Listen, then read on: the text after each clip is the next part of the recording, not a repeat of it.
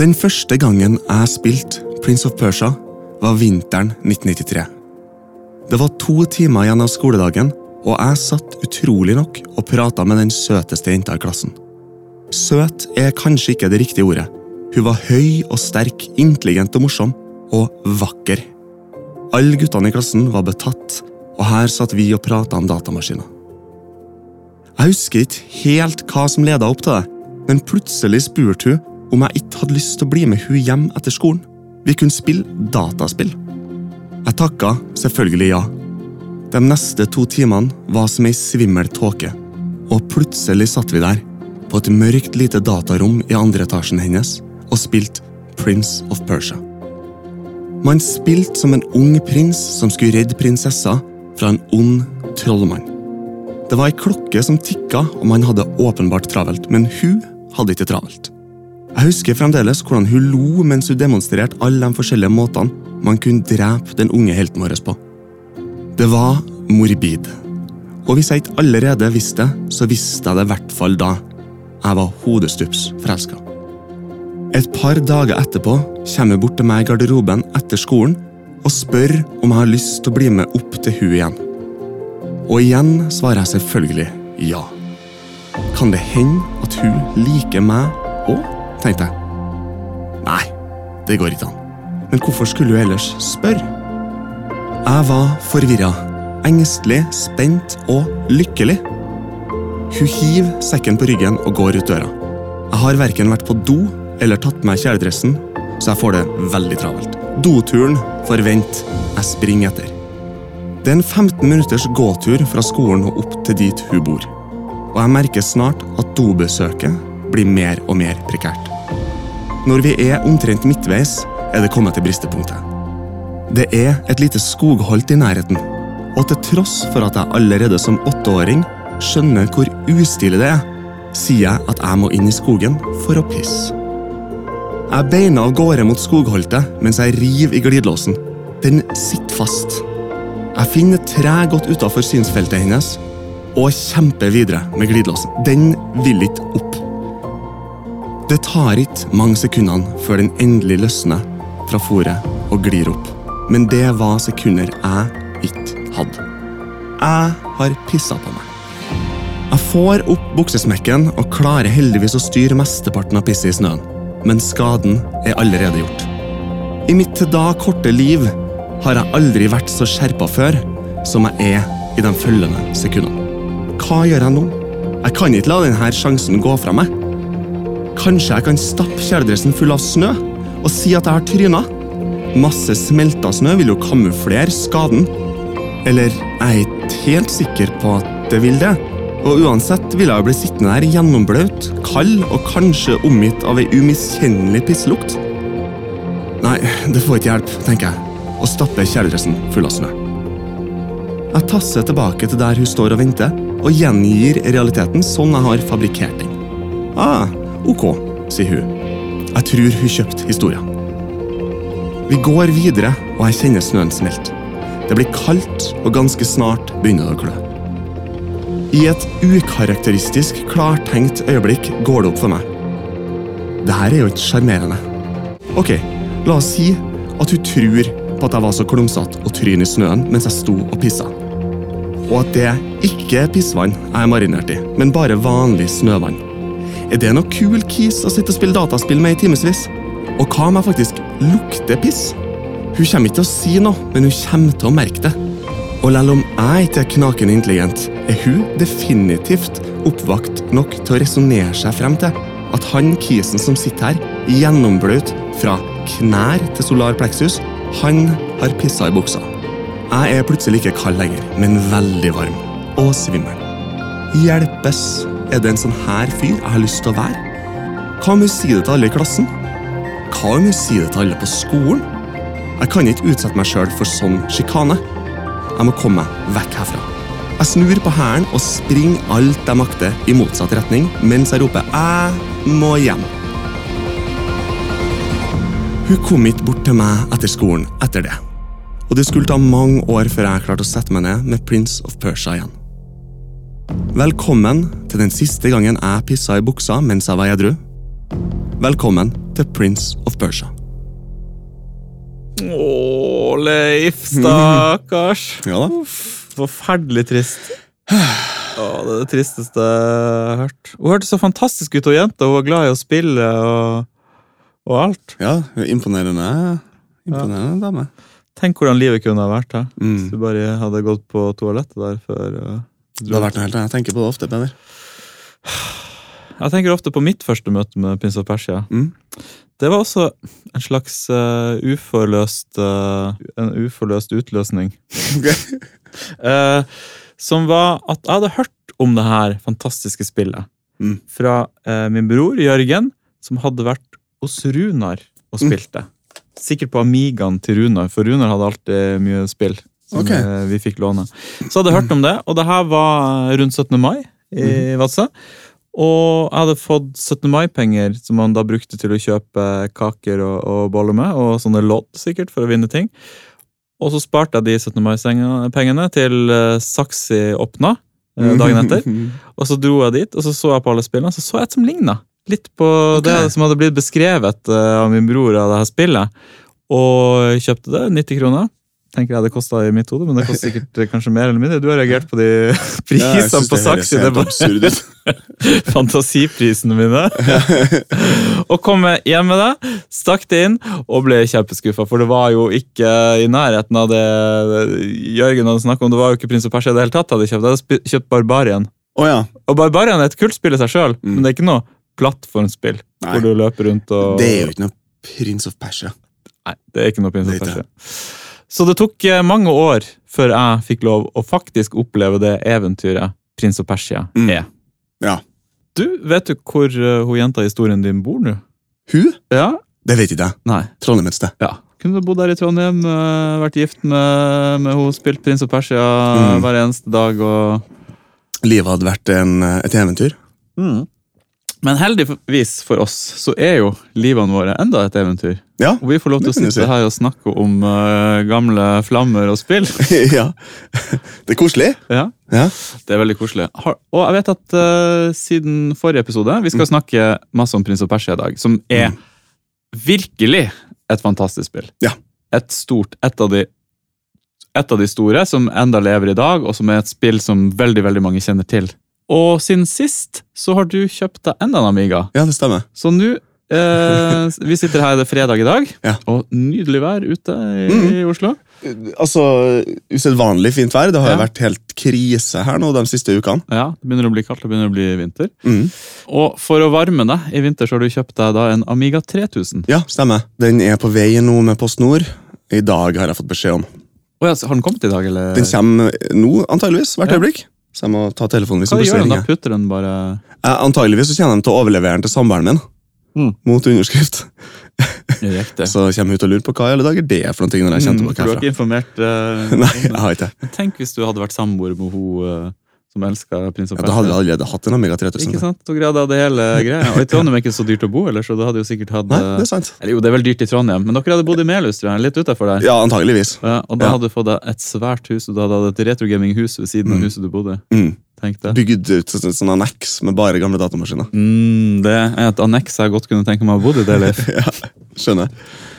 Men eh, eh, du har kjøpt Amigaen, og det har skjedd egentlig veldig mye Amiga de siste tiden. Altså, det har skjedd Mm. mye Amiga-scenen. For du Mm. driver hele tida og sender meg på WhatsApp liksom sånne linker på nå har det kommet noe nytt hardware og noen nye spill som er i utvikling. og Mm. Jeg føler nesten ikke det var sånn for seks måneder siden. bare, så det, er- Et eller annet som har skjedd med Amiga-plattformen, har bare kvikna veldig til. Og prisene har gått opp veldig Mm. mye, virker det som. At, at det liksom, Jeg følger en sånn Amiga-gruppe på mm, Facebook, og da ser jeg hva som postes og kjøp og salg. og sånn. Det ser ut som bare ting blir revet bort da når ting kommer ut på Finn. Mm. nesten. Og i hvert fall inn, Kanskje ikke Amiga 500, men når du kommer på 1000 og 2000 og 3000. Ja, det er hårreisende. Amiga 500 er jo ja, den vanligste modellen. Så den eh, kan man jo fremdeles få til en, liksom en fornuftig sum, men de andre datamaskinene har jo blitt fryktelig dyr. Og for meg så er det veldig enkelt å sitte og sammenligne med uh, den forrige epoken i livet mitt, der jeg drev og kjøpte Amiga-ting, som var for en 10-15 år siden. Mm. Da jeg første gang bygde opp denne Amiga 1200 som jeg nå har, det her tårnet, da fikk man kjøpt alle de tingene nytt, som i dag koster altså det koster fire-fem ganger så mye som det kosta Mm. da. Eh, akseleratorkort og alt mulig sånne ting. De der gamle akseleratorkortene har blitt kjempedyr, grafikkortene har blitt kjempedyr, og datamaskinene har blitt kjempe, kjempe, kjempedyr. Mm.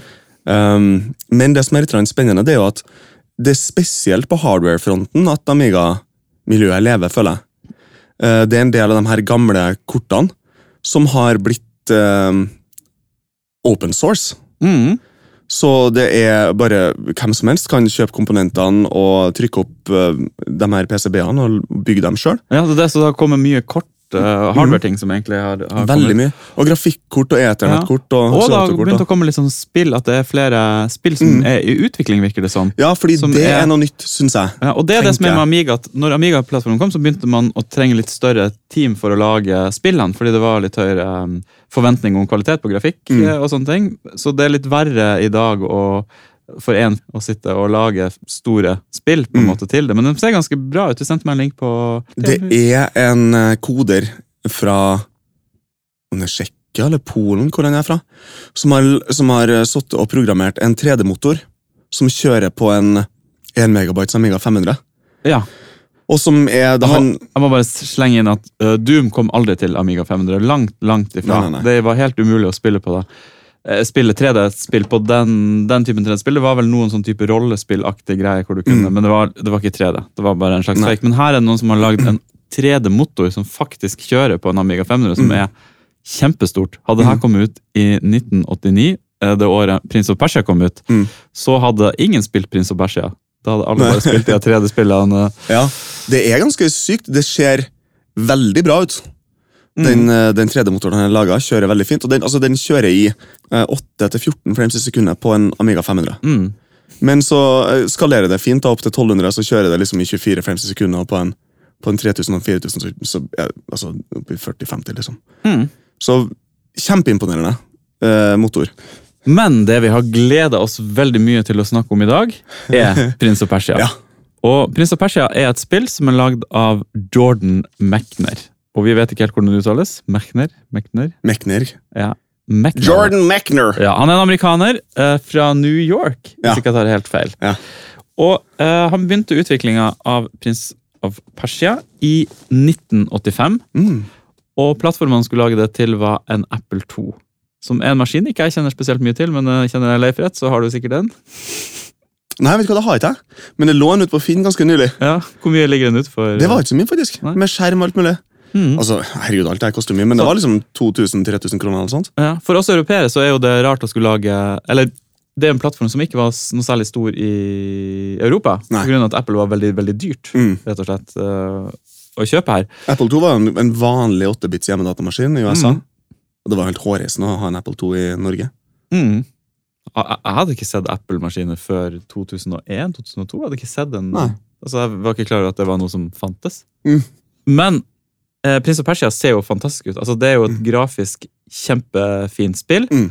Og det, han brukte ganske mange år på å lage det. Han begynte produksjonen i 85, og spillet kom ut i 89. Mm.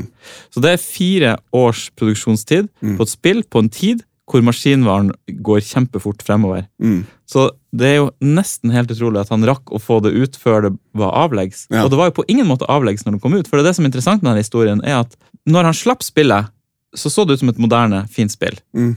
Og så fortsatte det å leve til langt ut på 90-tallet. Det var ikke noe kommersiell suksess når det kom ut, Nei. men det ble mer og mer en suksess jo lenger det fikk leve. Mm. Med go av god grunn, som vi Mm. kommer til å komme mye inn på. Så Jordan Mechner var ferdig på eh, universitetet, Yale University, som han hadde gått på. Han hadde tidligere lagd et annet spill. Mm. Kjenner du til det? Ja, Det kjenner jeg til. Karateka. Ja, Har du spilt det? Ja, det har jeg gjort. Jeg mener at jeg har spilt det på Commodore 64. Ja. Jeg har ikke spilt det. Jeg bare leste navnet. Jeg Akkurat som jeg har sett navnet, men jeg kjenner ikke til det. Mm. Det var ikke noe stort her borte, i hvert fall ikke i Vadsø. Nei, det ligner jo litt på det her spillet som vi satt og spilte for et par uker siden på Amiga 1000. Det her Barbarian. Ja. Du går fra den ene skjermen til den andre, og så møter du en vanskeligere konkurrent. Mm. Men at det er karate da, istedenfor uh, sånn her fantasi-konan-scenario. og så er det igjen et sånn her med at du skal kjempe deg gjennom alle sammen og, og redde ei prinsesse eller et Ja. eller annet sånt. Og det var vel en, det var en sånn moderat suksess, tror jeg. Han tjente litt Mm. penger på det. og, og sånn. Og jeg har jo lest dagboka hans. Mm. For det er det som er artig med det her spillet, er jo at det er et ikonisk spill som veldig mange har spilt, men vel, veldig mange tror jeg ikke vet at han skrev en dagbok under hele produksjonen av spillet, og noen år etter det var sluppet, som han har trykt opp, Mm. og, og nå selger man kan kjøpe den på Amazon, liksom. Mm. Får du det? Altså, det er en fantastisk bok å lese. Mm. For du får bli, du, du blir med på en sånn artig, artig tur, og får et ordentlig innblikk i hvordan det var å lage spill på den tida, Mm. og også hans emosjonelle reise. Fordi han var veldig usikker på om han skulle lage spill. Oh, ja. Om det var det han egentlig skulle drive med. For han hadde egentlig veldig lyst til å lage film. Det var Ja. hans eh, store passion.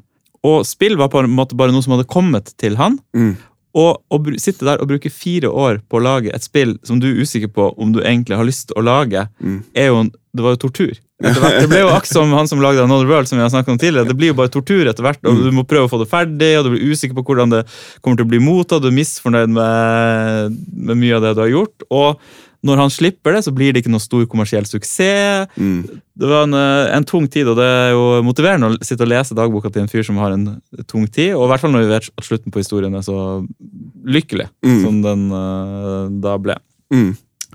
Spillet bruker rotoskopingteknikk, Mm. som er noe vi har snakket om før, som jeg ikke visste at hva det det ordet betyr. Men det det betyr, er at eh, man filmer noe, og så tegner man inn streker på det man har filma, og så får du på en måte en strek på det, at det ser tegna ut istedenfor at det ser filma ut. Mm. Og i en Apple 2-sammenheng så vil jeg si at du putter inn piksler Mm. på de stedene. Og det er jo det som kanskje står mest ut eh, med Pins og Persia i forhold til andre spill som har kommet før, var hvor realistisk bevegelsen var. Mm.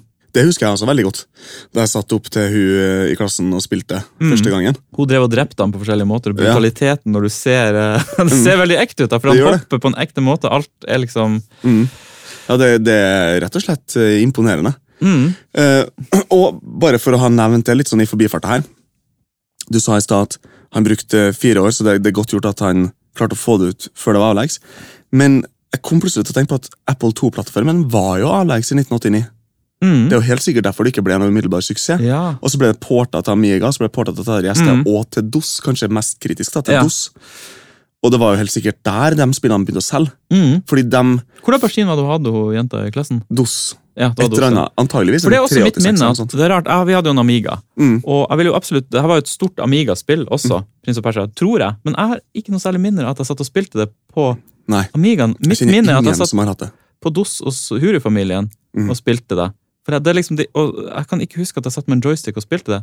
Godt mulig vi hadde det. Klarer ikke å huske det. Nei, jeg tror det var DOS vi satt og spilte. Ja, nei, det, jeg, jeg, jeg har aldri sett en Amiga-flopp hjemme Prince of Persia på. nei, Det kom liksom Bare ikke til DOS. Norge. Nei, nei, det.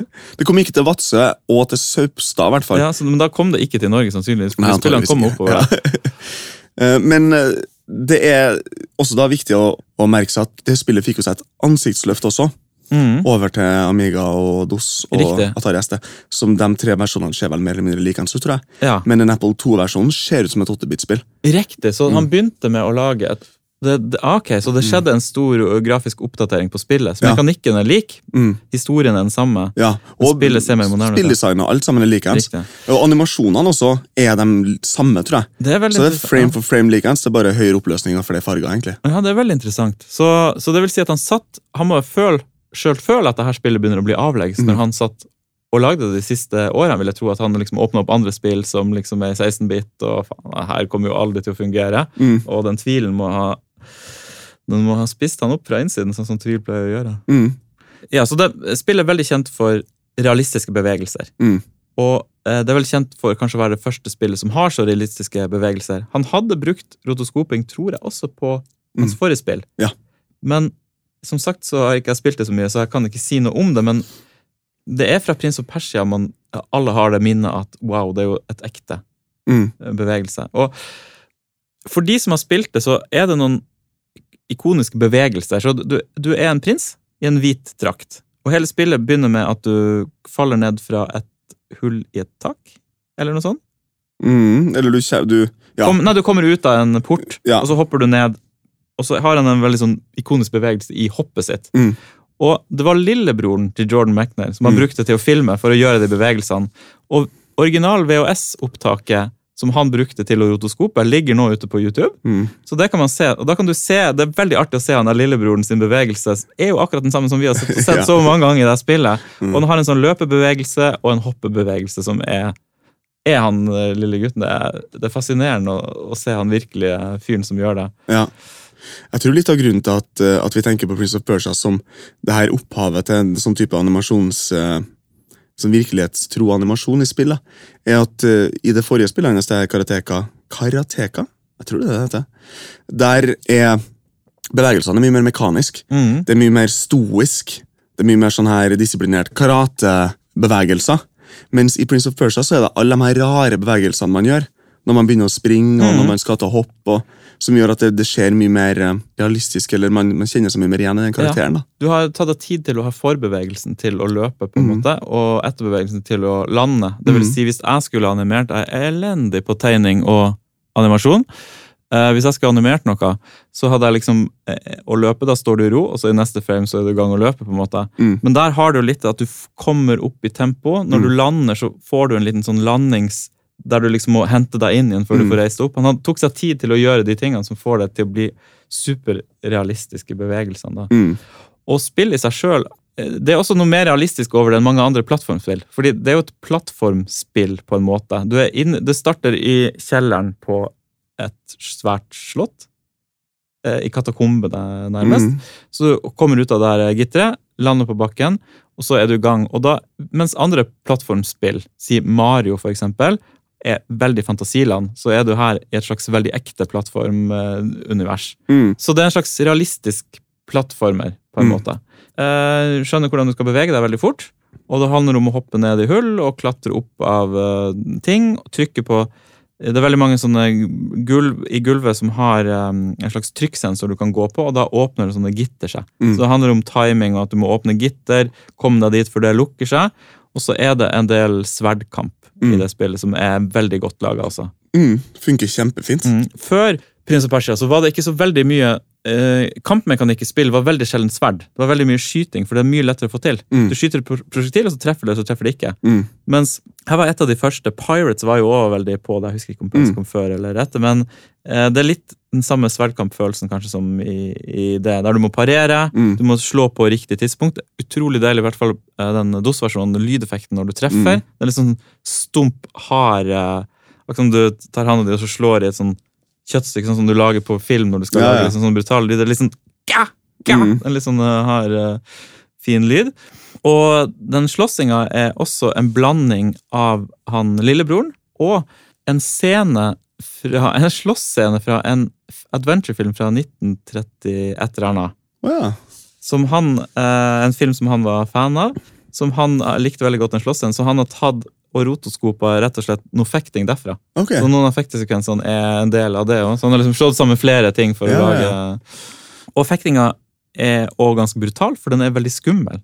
Ja. Det er jo veldig viktig å finne sverdet med en gang.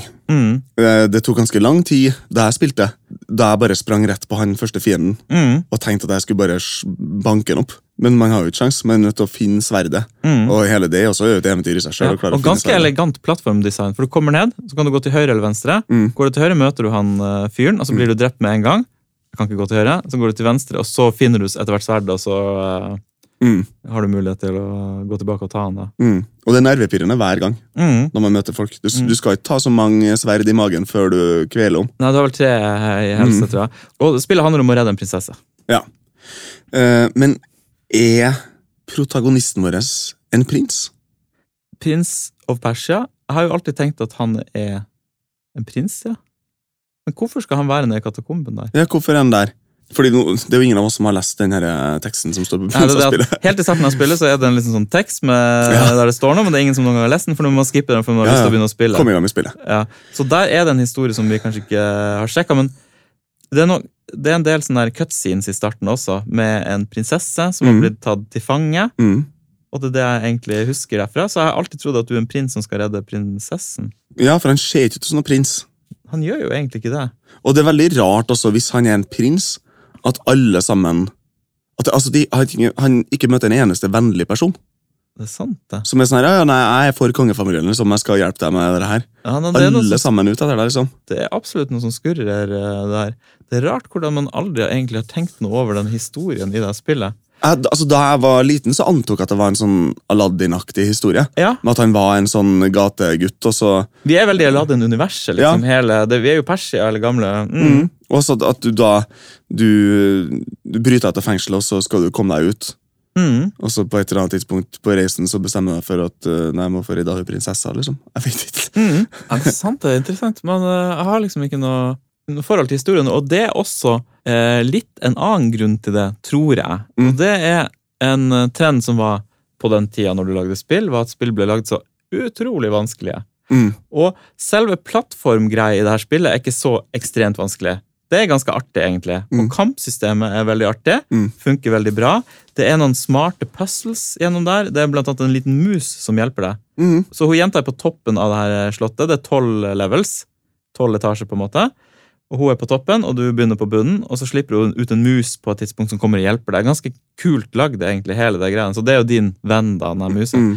Men jeg kjenner ingen som noen gang har klart det spillet. For det er en timer som teller ned. Du har én time på deg å klare det. Mm. det.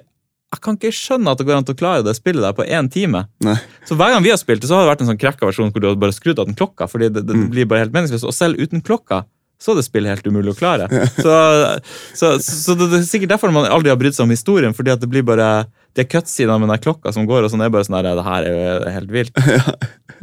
Kjenner du noen som har klart det? Nei, jeg gjør ikke. Eller Jeg, jeg tror jeg kommer til level 3-4, den musa rundt der. Mm. Og så har jeg kommet opp litt høyere, fordi du begynner, det er litt sånn kjellerstemning i de første levelene, og så Mm. begynner det å komme litt mer sånn palasstemning, litt opp, litt flotte tapeter og, og greier. Men jeg kan ikke huske å komme noe særlig langt oppi der, for det blir så vanskelig. at det... mm.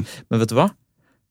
Kanskje jeg burde tatt det opp igjen og spilt det. Det kommer jo ut en nyere versjon til Xbox. Jeg har spilt gjennom den som kom på 360. Ja, og den fins til flere plattformer, sjekka jeg bare. Mm. Så det kunne vært interessant, for det er akkurat den samme, det er en litt oppdatert grafikk, men Mm. akkurat samme spillmekanikk. Det kunne vært veldig interessant å spille den igjen. Se om man kunne skrudd av timeren. Der kan man skru av timeren. Ja, se. Da hadde man skjønt at man måtte bare skru av den timeren, for det var ingen som noen gang hadde fått det til. Og faktisk spilt gjennom hele spillet, for det går jo an til å klare. Men jeg husker at det ble ekstremt vanskelig med fiendene etter hvert, for de har så mye helse. Mm. Jeg brukte lang tid på å spille gjennom på 360. Ja, du kom deg gjennom, ja. Ja. Så du er en av de få i verden som har vært igjennom. Ja, Men uten timer, da, og på 360 så er det også at du, du, du lagrer eh, fremgangen din. Ja, Så når du dør, etter, altså når du endelig har mista alle livene dine, så kan du begynne på den samme levelen som du døde på. Eh, ja, På 360 så kunne man lagre det. Det var sånn jeg klarte å komme gjennom det. Så Jeg spilte det jo sikkert ei uke. liksom. ja. Det er så tungt, ja. Ja, Jeg synes i hvert fall det da. ja har du gode det minner fra at det var artig? Eller Ja, det var... kjempeartig. Storkosa meg med. Prince of Persia utgis av Broderbound i 1989 på Apple 2. Og i likhet med bl.a. Another World er det et soloprosjekt. Spillet ble porta over til DOS, Amiga og Atari ST ett år senere, og utallige plattformer de neste 20 årene. Det er antageligvis det første eksempelet på et filmatisk plattformspill. Spilleren inntar rollen som en navnløs protagonist som må finne veien opp fra det dypeste fanghullet til toppen av tårnet der den unge storvesiren Jafar holder prinsessa fanga. På veien må man løse gåter, hoppe over livsfarlige avgrunner og bekjempe Jafars soldater i sverdkamp. Prince of Persia er en av spillhistoriens ubestridelige klassikere. Det er frustrerende, sidrumpa og usedvanlig vanskelig. Men det er også et åpenbart mesterverk. Grafikken og brettdesignet er mesterlig utført. Musikk og lyd er sparsommelig, men effektivt implementert. Og klokka som tikker i hjørnet, sørger for at spilleren aldri helt finner roa i spillet. Du har ikke tid til å utforske. Du har ikke tid til å lete etter livseliksiren.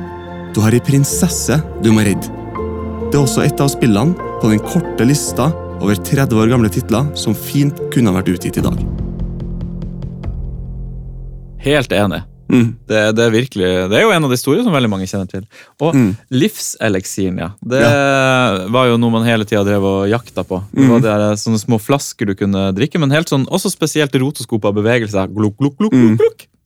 Og så fikk du et eh, hjerte til, eller en i helse til, og så kunne du få et ekstra helt hjerte For det var jo det du må bygge opp helsa din. For når du begynner å komme opp i de her eh, levelene, så er jo folk så sterke Mm. at du må ha masse masse hjerter. og... Jeg kjenner veldig godt den der følelsen fremdeles. Når du har, du har én trekant igjen Mm. av eh, livet ditt, og så er du på en plattform, og så over deg fire plattformer lenger opp, så ser du en sånn eliksir. Men du Mm. kommer ikke deg opp dit. Og så vet du at du må komme deg dit, men du vet ikke hvordan du skal gjøre det.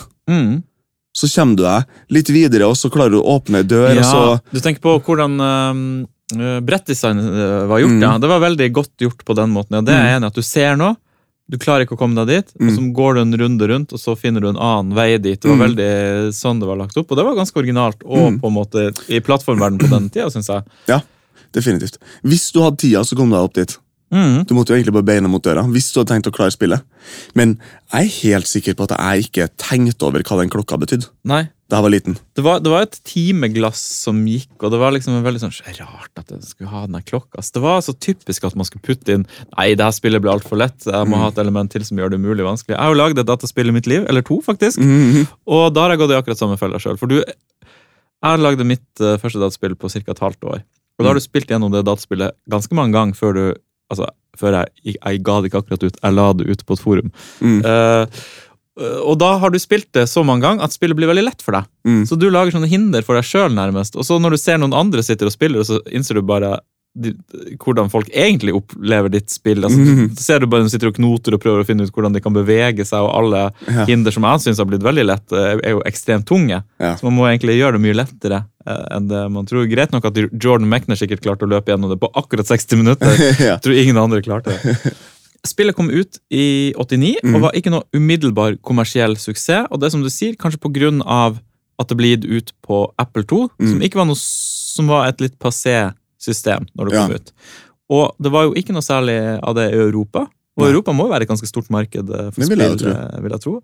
Spillet ble da porta til en del andre plattformer. Det her skriver han også om i boka si. Og det er jo artig at spillet kommer ut. eh, Får veldig lite oppmerksomhet. Han selger litt. Altså, Han får sånne royalty checks i posten. Det var sånn det funka. Og jeg husker Han drev og diskuterte med hvor mye, og det svimlende små prosenter av salget han får. Mm. Et sted mellom 5 og 20 husker jeg det var liksom man pleide å få. Og han Mm. hadde klart å forhandle seg til et ganske høy. Og det er Mm. ganske Tenk deg at du lager det spillet, og så får du kanskje 15 av Mm. royalties, mens resten går til brødrebunnen. Jeg skjønner det koster litt å distribuere det, men det koster ikke så mye. Um, og han får noen royalty checks, men de er ikke så store. Og så begynner det porte-jobben, som virker som at det var sånn du lagde spill på den tida. Du lagde spillet, og så slapp du det. Og så begynte jobben med at det skulle portes til andre plattformer. Og han gjorde ikke det sjøl, men da leide han folk som var flinke. For da var det sånn at han er dritbra på å til Amiga, han er dritbra på å til det, til det. Så da hadde han folk eh, som også fikk en cut av royaltyen Mm. for å porte det, hvis jeg ikke husker helt feil. Okay. Amiga DOS og Atari ST. Atari ST er ganske like versjoner, de vi på en måte kjenner eh, best. Mm. Og da, da var det vel et samarbeid for å få den der eh, ene stilen på de plattformene. Mm. Og når det kom på de plattformene, det var da det virkelig begynte å ta av. Mm. Og jeg tror spesielt DOS på akkurat det spillet var en tid si, Kanskje det kom ut i 91? 1990. 1990 kom DOS-versjonen. Mm. Det var ganske kjapt på, da. Mm. Eh, Da var det et ganske eh, grafisk eh, veldig bra spill. Mm. Eh, Det ser veldig fint ut på DOS. Litt sånn tegnefilm, tegneaktig, men med et realistisk slør, og hvert fall med bevegelsene og, og sånne ting. Og det var da den ballen begynte å rulle, men den rulla ikke spesielt fort. Nei. Den begynte med å rulle veldig sakte der òg. fordi det, kanskje det er noe som at du har en release da i 89. Du blir skrevet litt om det i magasin. Vi kunne ikke lese engelsk, så vi fikk alltid med oss det. på en måte. Eh, men så begynner spillene å bli kopiert fra person til person eh, bortover Europa, så begynner det etter hvert å, nærme seg Norge. på en måte. Mm. Og da, da får den der ballen mye mer fart. Det var vel mange som kjøpte de spillene nå, da, for han, han fikk jo større og større royalty checks. Og det er artig hvordan han var fattig, og så begynner han å bli litt rik, og så etter hvert i den dagboka, Så Han skriver ikke så veldig direkte om det, bare merker at han begynner å slutte å bry seg om penger på et tidspunkt. Mm, på en måte, For det bare ruller og går i bakgrunnen. Ja. Og det var jo en ganske lang strøm med penger som kom også pga. det her spillet, fordi det, det varte veldig mange år. da. Han må jo ha tjent ekstremt mye penger på det spillet. Ja. En annen artig ting var at han møtte jo Erik Chai, Mm. sa det riktig, Mhm. som lagde Another World. De møttes, Han vant en del priser på det her spillet. Mm. For det var en del sånne um, prisutdelinger, sånn at du vinner ting. Og eh, I starten tror jeg ikke han gjorde det, men etter hvert når det begynte å rulle, så fikk, plutselig fikk han brev fra Europa om at han hadde måtte komme til Paris, eller noe sånt, for det var en eller annen spillkonkurranse som han hadde vunnet. eller hadde mulighet til å vinne, eller noe sånt. Okay. Og da var det jo etter han hadde begynt å få det, jeg sjekka når han hadde begynt å få litt penger. Mm. Så da ja, ok, jeg reiser dit. Og da møtte han Erik Chai på en spillkonferanse der, som hadde da lagd um, Another World. Mm. Og de var jo store fans av hverandre, eller han Mm. var det, Erik Chai i hvert fall. Som Det er litt jeg koselig. synes det var artig å, å møte han, så det er ganske artig. Ja. Mm, To likesinnede ja, i, i hver sin verdensdel. ja, som gjør egentlig mye av det samme. Mm. Og Erik Skeie har jo også veldig sånn forhold til det grafiske og, og til det filmatiske. Mm. Og, og han her er jo det aller, i veldig stor grad, fordi han hadde jo egentlig lyst til å lage filmer i? Hollywood. Mm. Og etter 'Prins of Persia kom ut, så kom, eh, begynte de å jobbe på en oppfølger. Mm. 'Prins of Persia 2, The Shadow and the Flame. Det er et spill eh, jeg aldri har spilt, men som det ifølge boka hans var en ganske stor suksess. Okay. Egentlig, Det var liksom ikke noe flopp. Jeg, jeg, jeg, trodde, men det kom kanskje på plattformer som ikke jeg spilte så mye på den tida. Mm. Det, det kom ut på MS-DOS og på Mac OS, som jeg da aldri hadde hørt om. Eh, det kom ut på Snes, som var en konsoll som jeg aldri hadde tilgang til. Vi Mm. hadde ikke konsoller, det var bare skilsmissebarna som hadde det. Mm. Så jeg lurer på om det kan ha vært plattformen og tiden som gjorde at, at det aldri var noe jeg, jeg tok tak i. Men if, ifølge den boka mener jeg at det ble en, en eh, ok suksess, faktisk. Og eh, senere har han også lagd et uh, Prince of Persia som eh, heter Prince of Persia Sense of Time, Mm. som er et 3D-spill. Mm. Det er en reboot, rett og slett. Ja, som jeg heller aldri har spilt. Nei. Men som også ble en ganske stor suksess. Ja, Det ble jo en kjempesuksess. Det Mm. kom ut en, en, det starta hele serien på nytt igjen. Ja, Og det er kanskje større til og med enn første Prins og Persia? Kan det være det? For da, da var det jo spill var jo mye større del når det kom ut. Hvilket år var det? Jeg, jeg mistenker at det var på slutten av 90-tallet. en gang. Jeg, jeg husker at jeg fikk med det da jeg kjøpte 3D-kort en gang på slutten av 90-tallet. Mm. Fikk jeg med Sense of Time. Så kanskje 99 eller noe sånt. da. Kan ha vært 2000 òg, altså. Mm. Sense of Time er, er et bra spill. Eh, Men det er mye mer et sånn her action-eventyrspill. Det ligner mer på Assassin's Creed, synes jeg, Ja, riktig. enn det ligner på originale Mm. Prince of Persia. da. Og det er interessant, for han har jo dratt da det spilluniverset han har oppfunnet, egentlig ganske langt i løpet Mm. av det tiåret. Og det er nesten merkelig at ikke vi har hørt mer om det. Det kan være pga. amerikansk, altså at eh, de plattformene de jobba på der, og, og sånn var annerledes. At det bare ikke kom Muligens. til Trondheim og Vadsø. Prince of. Persia, hadde, Toeren hadde jeg aldri hørt om. Mm. Det kom jo en Prince of Persia Som sagt, 3D Ifølge også, han så var det en stor suksess. Ja. Som solgte 750 000 kopier, eller noe sånt. Så men det er ganske mye. Jeg har sett en, en playthrough av det på YouTube, mm. og jeg syns ikke det ser ut som et spill som burde ha solgt veldig mye. Nei, men det har fått veldig gode anmeldelser også. Ja. Folk som mener det var bedre enn eneren. Og okay. sånn, så. så, men um, igjen, han er jo en amerikaner, og han skriver en dagbok, så det kan være at han overdriver sin egen uh, suksess. i... uh, Så hadde vi Prince of Persia 1, og så kom toeren, og så kom 3D. Som mm. kom i 1997, eller noe sånt, tror jeg. Og så var Sands of Time etter det. ja. det, det. Når jeg sier det nå, så tenker jeg at Sands of Time har kommet tidlig på 2000-tallet. Mm. 2002 kanskje, eller 2003. Det kom ut på Xbox, og det kom ut på PC på Windows Mm. 98. Jeg spilte på Windows XP. Um, så det var nok et, et ganske stort rom imellom Prince of Persia 3D og, og Sense of Time, Mm. vil jeg tro. Og det her nye universet med Prince of Persia-spill, som er en helt ny serie, jeg lurer på når det siste spillet Det er ikke noe lenge siden det siste spillet i den serien kom ut. Mm. Og Jordan McNers store drøm Mm. var jo å lage film, egentlig. Mm. Det var utgangspunktet hans, og grunnen til at han var glad i historiefortelling. Og det er jo veldig uh, wholesome at han faktisk fikk lov til å gjøre det. På Mm. grunn av suksessen med Prince of Persia, så fikk han lov til å lage en Prins og Persia-film. Og den ble også en den film ikke jeg har sett. Igjen. Så det, det eneste vi liksom har et forhold til, er det første spillet. Og det, det er Mhm. hele mitt Ja, nei, Jeg har Liv spilt de senere spillene ganske Ja. mye. Ja, ok. Sense of Time og spillene der. Så i hvert fall for min del er det liksom det første spillet det har et forhold til. Mm. Og det andre, resten av det her universet, føles bare som påheng på det for å prøve å melke den kua. Ok, Mens øh, for veldig mange andre tror jeg at de ikke har, kjenner til det første spillet, men at Mm. det er de her nye de reboot-seriene sånn som er det virkelige Prins og Persia. At filmen på en måte er det virkelige Prins og Mm. Persia. Det gamle spillet er bare noe som ligger baki der. Mm. Men Prins og Persia-filmen, Prins og Persia The Sands of Time, mm. den kom ut i 2010. Mm. Og den har 6,6 på IMDb, som Helt innafor Helt innafor. Det er liksom liksom. ikke noe flopp. Det er liksom ikke en fyr som bare prøver å lage noe som ikke funker. Er det han som har regissert den? Han har eh, skrevet den, i hvert fall. Okay. For det var det han hadde lyst til, å skrive film. ja. Så det er vel eh, historien han har kommet opp med. ja. Og så har han hatt hjelp til å skrive ut eh, manuset som et manus. Det er ganske kult, da. Ja, Så han har tenkt den artige reisen han har vært på, fra å sitte der på gutterommet og lure på om han skal orke Mm. å lage det her spillet. Bruke fire år på å smerte seg gjennom det, slippe det uten at det er noe suksess. Og så den der lange liksom, reisen opp til at han i 2010 da, faktisk fikk lov å lage en Hollywood-film. Ja. Som han alltid har drømt om. Og skrive et budsjett. manus. Stor budsjett, som får en decent score på IMDb, og som er en Ja. suksess. da. Det er jo en, en lignende historie der som går litt sånn parallelt med han eh, Han som har laga Wing Commander-spillene. mm. Han hadde jo også egentlig lyst til å lage film. Mm. Og det ser man jo veldig tydelig i Wing Commander-spillene. Ja, de er veldig filmatiske. Ja, Mm. Og grunnen til at han slutta å lage dataspill, var for at han begynte å lage film. Mm. Eh, og den første filmen han laga, var jo Wing Commander. Ja, riktig. Som er bare en helt ekstremt ræva film. Ja, For det er det som er faren, da. Ja. Fallhøyden blir jo litt høy. Så det, det var den første filmen han skrev og regisserte. mm. Og han fikk ikke lov til å skrive og regissere noen flere filmer etter det. Ja. Men han produserte mye film etter det. Mm. Umiddelbart da jeg, jeg hørte at det kom til å komme en Prince of Persia-film, så det, det her orker ikke jeg se, for jeg så Wing Commander-filmen Mm. i 2000, og jeg skal aldri se Mm. noe film basert på noe dataspill etter det. Men eh, kanskje jeg må se den Prince of Persia-filmen, da. Kanskje Det er høres ikke krise ut med 6,6, men det høres ikke ut som Det høres jo litt eh, Jeg pleier jo egentlig ikke å se noen særlig filmer som har under sju, på en måte, Nei. men det kunne vært verdt å se den bare for å se hva han har fått til. Det er jo med beefa opp Jake Gyllenhaal i hovedrollen.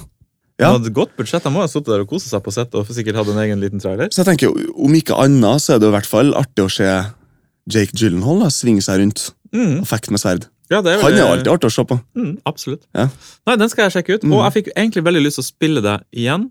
Uh, som du sier eh, i en av de nye versjonene. Skru Mm. av timeren og prøv å komme meg gjennom det. For det er jo mulig, selv om det er vanskelig. Du har jo klart det. Den 360-versjonen er fullt mulig å komme seg gjennom. Det er ikke så vanskelig. Når du har skrudd av timeren, så går det fint. Og når du, når du kan lagre prosessen din. Og som alltid jeg har lyst til å se om eh, Switch hadde vært en, som alltid, god Ja. plattform å spille det på. Ja. Er det noe Switchen ikke hadde vært en god plattform å slå på? Um, Umulig. Kanskje Warcraft 1 hadde vært litt komplisert. å fytti grisen. Det tør ikke jeg tenke på. jeg. Jeg ville ha sagt Civilization, Ja, men Civilization. Revolution kom jo på 360, og det funka kjempebra på Ja. konsoll. Mm. Så nei, det tror jeg er svaret på spørsmålet. Du er jo veldig glad i systemkrav som trengtes for å skrive, spille gamle dataspill. Ja. Jeg syns det er litt morsomt, fordi det, det plasserer liksom spillet i tid. For meg, Ja, i hvert fall. mm, jeg synes det er interessant å høre. Ja. Det er også litt ekstra morsomt med sånne spill som Prince of Persia, som hadde eh, sin barndom på en 8-bits-plattform, men som i all hovedsak er kjent som et 16-bits-spill. Mm. Eh, det kom jo da på Apple 2 først, og krevde at en Apple 2E Jeg vet ikke hva forskjellen på Apple 2 og. Apple 2E er for noen ting. Det krever at det har 128 KB med ram. Mm. Og det som er litt morsomt nå i siste tida, er at eh, det har blitt porta til Commodore 64, Ja. som har eh, halvparten av det i ram. da. Mm. Så der er det noen dyktige folk som har satt og, og porta. Uh, og det kom også til Macintosh noen år etterpå. Det tror jeg var i 1991. Så kom det til Macintosh, um, som da er en helt annen plattform enn Apple 2. Mm. Der de er laget av Apple begge to. Eh, Macintosh-versjonen krever at du har 68 000 Motorola-prosessor, som er samme som Amiga 500 har. Du vet hva jeg tenker litt på av og til? Mm. Um, Apple er jo et selskap veldig mange forbinder med Steve Jobs. Mm. I og med at han starta det og, og slutta det. på en måte. Mm. Eh, mens din favorittid i Apple, det er når han der eh, Pepsi Max-sjefen var sjef der. Det er da du mener at Apple var på sin topp? Nei, det er ikke helt riktig. Du likte ikke når Steve Jobs kom tilbake? til... Nei, det er en periode imellom der, Mm. der han ehm, Emilio Jeg husker ikke hva han heter til fornavn. Der han tok over som CEO. Ok, Så det var etter Pepsi så Ja, ja. Apple, Han er jo, var jo et mareritt, han Pepsi-fyren. Ja, fordi Apple var et Apple, det er de som lager Mac-er. De, Uh, Steve Jobs starta det selskapet, og så på et tidspunkt så fikk han sparken fra selskapet sitt. Ja. Og så ansatte de sjefen i Pepsi, fordi han Ja. hadde vært så god på å få Pepsi til å bli et stort varemerke Mm. i USA. Og han var jo elendig på å drive et programvareselskap. Så da fikk han sparken. Og ettersom jeg altså, hadde trodd, så kom Steve Jobs da tilbake. Men det var ikke det, det var en fyr imellom her, ja. Ja, det var en fyr der som redda Apple fra konkurs. Mm. eh, som gjorde en masse upopulære ting innad i selskapet. Som redda det selskapet. Det selskapet var på forholdsvis trygg grunn når Steve Jobs kom tilbake igjen, og det var han som henta tilbake Steve Jobs. Riktig, ja. ja. Så han var en smart, uh, Ja, ja, han var kjempesmart, rommet. han. men han ble veldig upopulær da, mm. i Apple. Det er derfor han røyk ut. Mm. Men det var han blant annet som bestemte at uh, vi må slanke ned i modellkatalogen. Det var han som tok og sletta alle produktene og som sa nei, nå skal vi strømlinjeform. Vi skal ha én low end, en high end og en Ah, liker denne fyren, ja. Ok. Ja, nei, han, var, han var kjempebra. Mm. Og det var også han som bestemte at vi må begynne å fokusere litt mer på uh, det visuelle designet. Altså Ah, på ja, så at maskinene skal se litt Så ryddig ut. og ordentlig Jobs har kanskje fått ufortjent mye Jeg syns Steve Jobs får altså definitivt ufortjent mye skryt for, eh, for Apple. Mm. Men selvfølgelig, uh, når han tok over, så, så ansatte han jo en del eh, bra folk. Altså Det er jo spesielt han her eh, som designa iPoden og Ja. iMac-en, Mm. som var, var veldig, veldig heldig at han Mm. fikk med seg han på laget. Og, og han gjorde en del sånne type ting. da. Men det er han Emilio som redda selskapet fra konkurs. Mm, Definitivt. ja. Men uh, tilbake til systemkravet. I hvert fall, Uh, det, på Macintosh-versjonen krevde at du hadde 68 000 prosessor, Motorola-prosessoren, system 2 operativsystem og 2 megabyte med ram. Igjen, sånn som vi husker fra den første episoden vår om SimCity. 4 megabyte med ram hvis du vil ha farger. Mm. ja. eh, så det var ikke noe selvfølge Mm. på den tida. Eh, Amiga-versjonen krever at du har en Amiga 1000, som vi kjenner fra Ah. forrige episode. Så du kan spille det på din Amiga Mhm. 1000. Mm. Og Kickstart 1,2, som er det som eh, du har på din 500, som ja. var Det er standarden. Og DOS-versjonen krevde at du hadde en 8088 med 512 KB med ram, 640 KB hvis du ville ha VGA-grafikk, Mm. eh, og DOS 2, som var altså, DOS. Mm. Eh, og jeg har jo spilt det på min eh, 8088, min Commodore PC, eh, min superprimitive DOS-maskin. Der har jeg satt og spilt eh, Prince of Persia i Sega-grafikk. Og det er ikke noe sånn her Det er ikke kjempeartig å spille Prince of Persia på en 8088. Mm. Så det er litt hakkete. Ja, det liksom. chugger litt. Mm. Den prosessoren som jeg har i min, den kan gå opp til 10 MHz. Mm. Da begynner det, å- da ligner det på noe. Ja, jeg, som, på en 2-6 så var det ganske smooth. Uh, Ja, det vil jeg tro. Ja. 2-6 er mye kraftigere enn 8088. Det er en helt annen, det, det ligner ikke i det hele tatt. Det er, det er mye kraftigere. Mm. 8088 er jo en 8-bits Ja, eh. Mm. prosessor også, mens 2-6 er altså, faen meg 2-6 liksom. Fresh som bare det. Mm. Dritfett maskin. Ja, ja, virkelig et monster. Mm. Ja. Så det husker vi jo fra 2-6-episoden. Ja. Vi har mye callbacks til episoder nå. Vi har lagd en del episoder. Ja. Det er så mye. 286 kan du jo spille det det Tentacle på. Ja, du har sagt, sagt det. Ja, Det hadde vært interessant. Helt greit. For det overrasker meg litt, for det er så heftig visuelt. på Ja. Det kjører Men det var vel egentlig på problemfritt. 2.6 mer eller mindre jeg oppdaga det å spille òg. Mm. Du, eh, på slutten her Mm. så tenkte jeg å komme med en litt interessant historie om kildekoden til Ja. Prins og Persia. I 2002 så drev han Jordan Mechner og leita etter den, og fant den ikke. Nei. Man fant den ingen steder. Altså den originale kildekoden til Apple 2-versjonen som han lagde. Og innså til slutt, etter å ha leta lenge, at den sannsynligvis er tapt. Tragisk. Ja, Fortapt for tiden. Og, og, og det er jo noe dypt tragisk over at et så legendarisk spill sin kildekode, som kunne vært artig å, å sett på, bare hvordan liksom han har gjort og hvordan han har tenkt, og det, det er jo mye historie bare i koden, Mm. er tapt for all tid. Og det er rart med no, sånne medier som er så som digitale medier som er så lette å lagre, at de bare forsvinner. Men lett å miste. Men i 2012 så fant faren hans drev og rydda i noen bokser på loftet. Eh, og da fant han en boks med masse disketter, som eh, han eh, ga til Jordan for å se om det var noe å spare på. Og der fant han jaggu meg tilbake til den originale kildekoden. Den originale disketten han lagret og han kopierte det ut og har lagt det ut på GitHub, som er et sånt sted eh, hvor folk programmerer legger ut koden sin. Ja. Og ligger noe åpent der, så man kan uh, hente ned den koden og kikke på den hvis man Dæsken. har lyst til det. Det er sikkert den de har brukt, de folkene som har porta til Commodore 64. Ja, det kan godt være. I hvert fall vært der og henta inspirasjon. Og ja, sprites, altså grafikk og alt uh, ligger jo inni der, da. Så nå får vi håpe at det overlever Ja. for alltid på GitHub. Frem til det. blir lagt ned Archive.org etter hvert, da. Ja. Så det går ordentlig gærent med GitHub. Og det var egentlig det vi hadde på Retropodden i dag. Mm. Det har jo vært en fryd å få lov til å snakke om Prins og Persia. Mm. Vi har noen andre interessante episoder eh, fremover. Blant annet en om konsollkrigen, Mm. som eh, jeg tror kan bli veldig kul. Mm. Så eh, om noen har noe de har lyst til å si til oss, eller noen kommentarer, så finner dere oss på Retropodden på Facebook. Mm. Vi har også en e-postadresse som vi aldri har fått mail på. Eller har vi fått mail på den? Uh, nei, Nei. ikke en eneste. Den heter eh, Der er adressen uh, retropodden at gmail.com. Mm. Og så er vi på SoundCloud, og der vi legger ut episodene. Og så kan man streame det på de andre plattformene derfra. Ja. Så Der kan man også skrive kommentarer Ja. som vi svarer på. Og YouTube. Og YouTube, ja. Vi legger vel ut episodene der, faktisk. Ja. Litt i rykk og napp. Ja. uh, Litt sporadisk. Veldig mange. Men Ja. vi kan jo prøve å bli flinkere på å legge det ut når vi faktisk Ja. legger det ut. Det er jo ikke en stor jobb. Ja. Så tusen takk for at du lytta. Takk.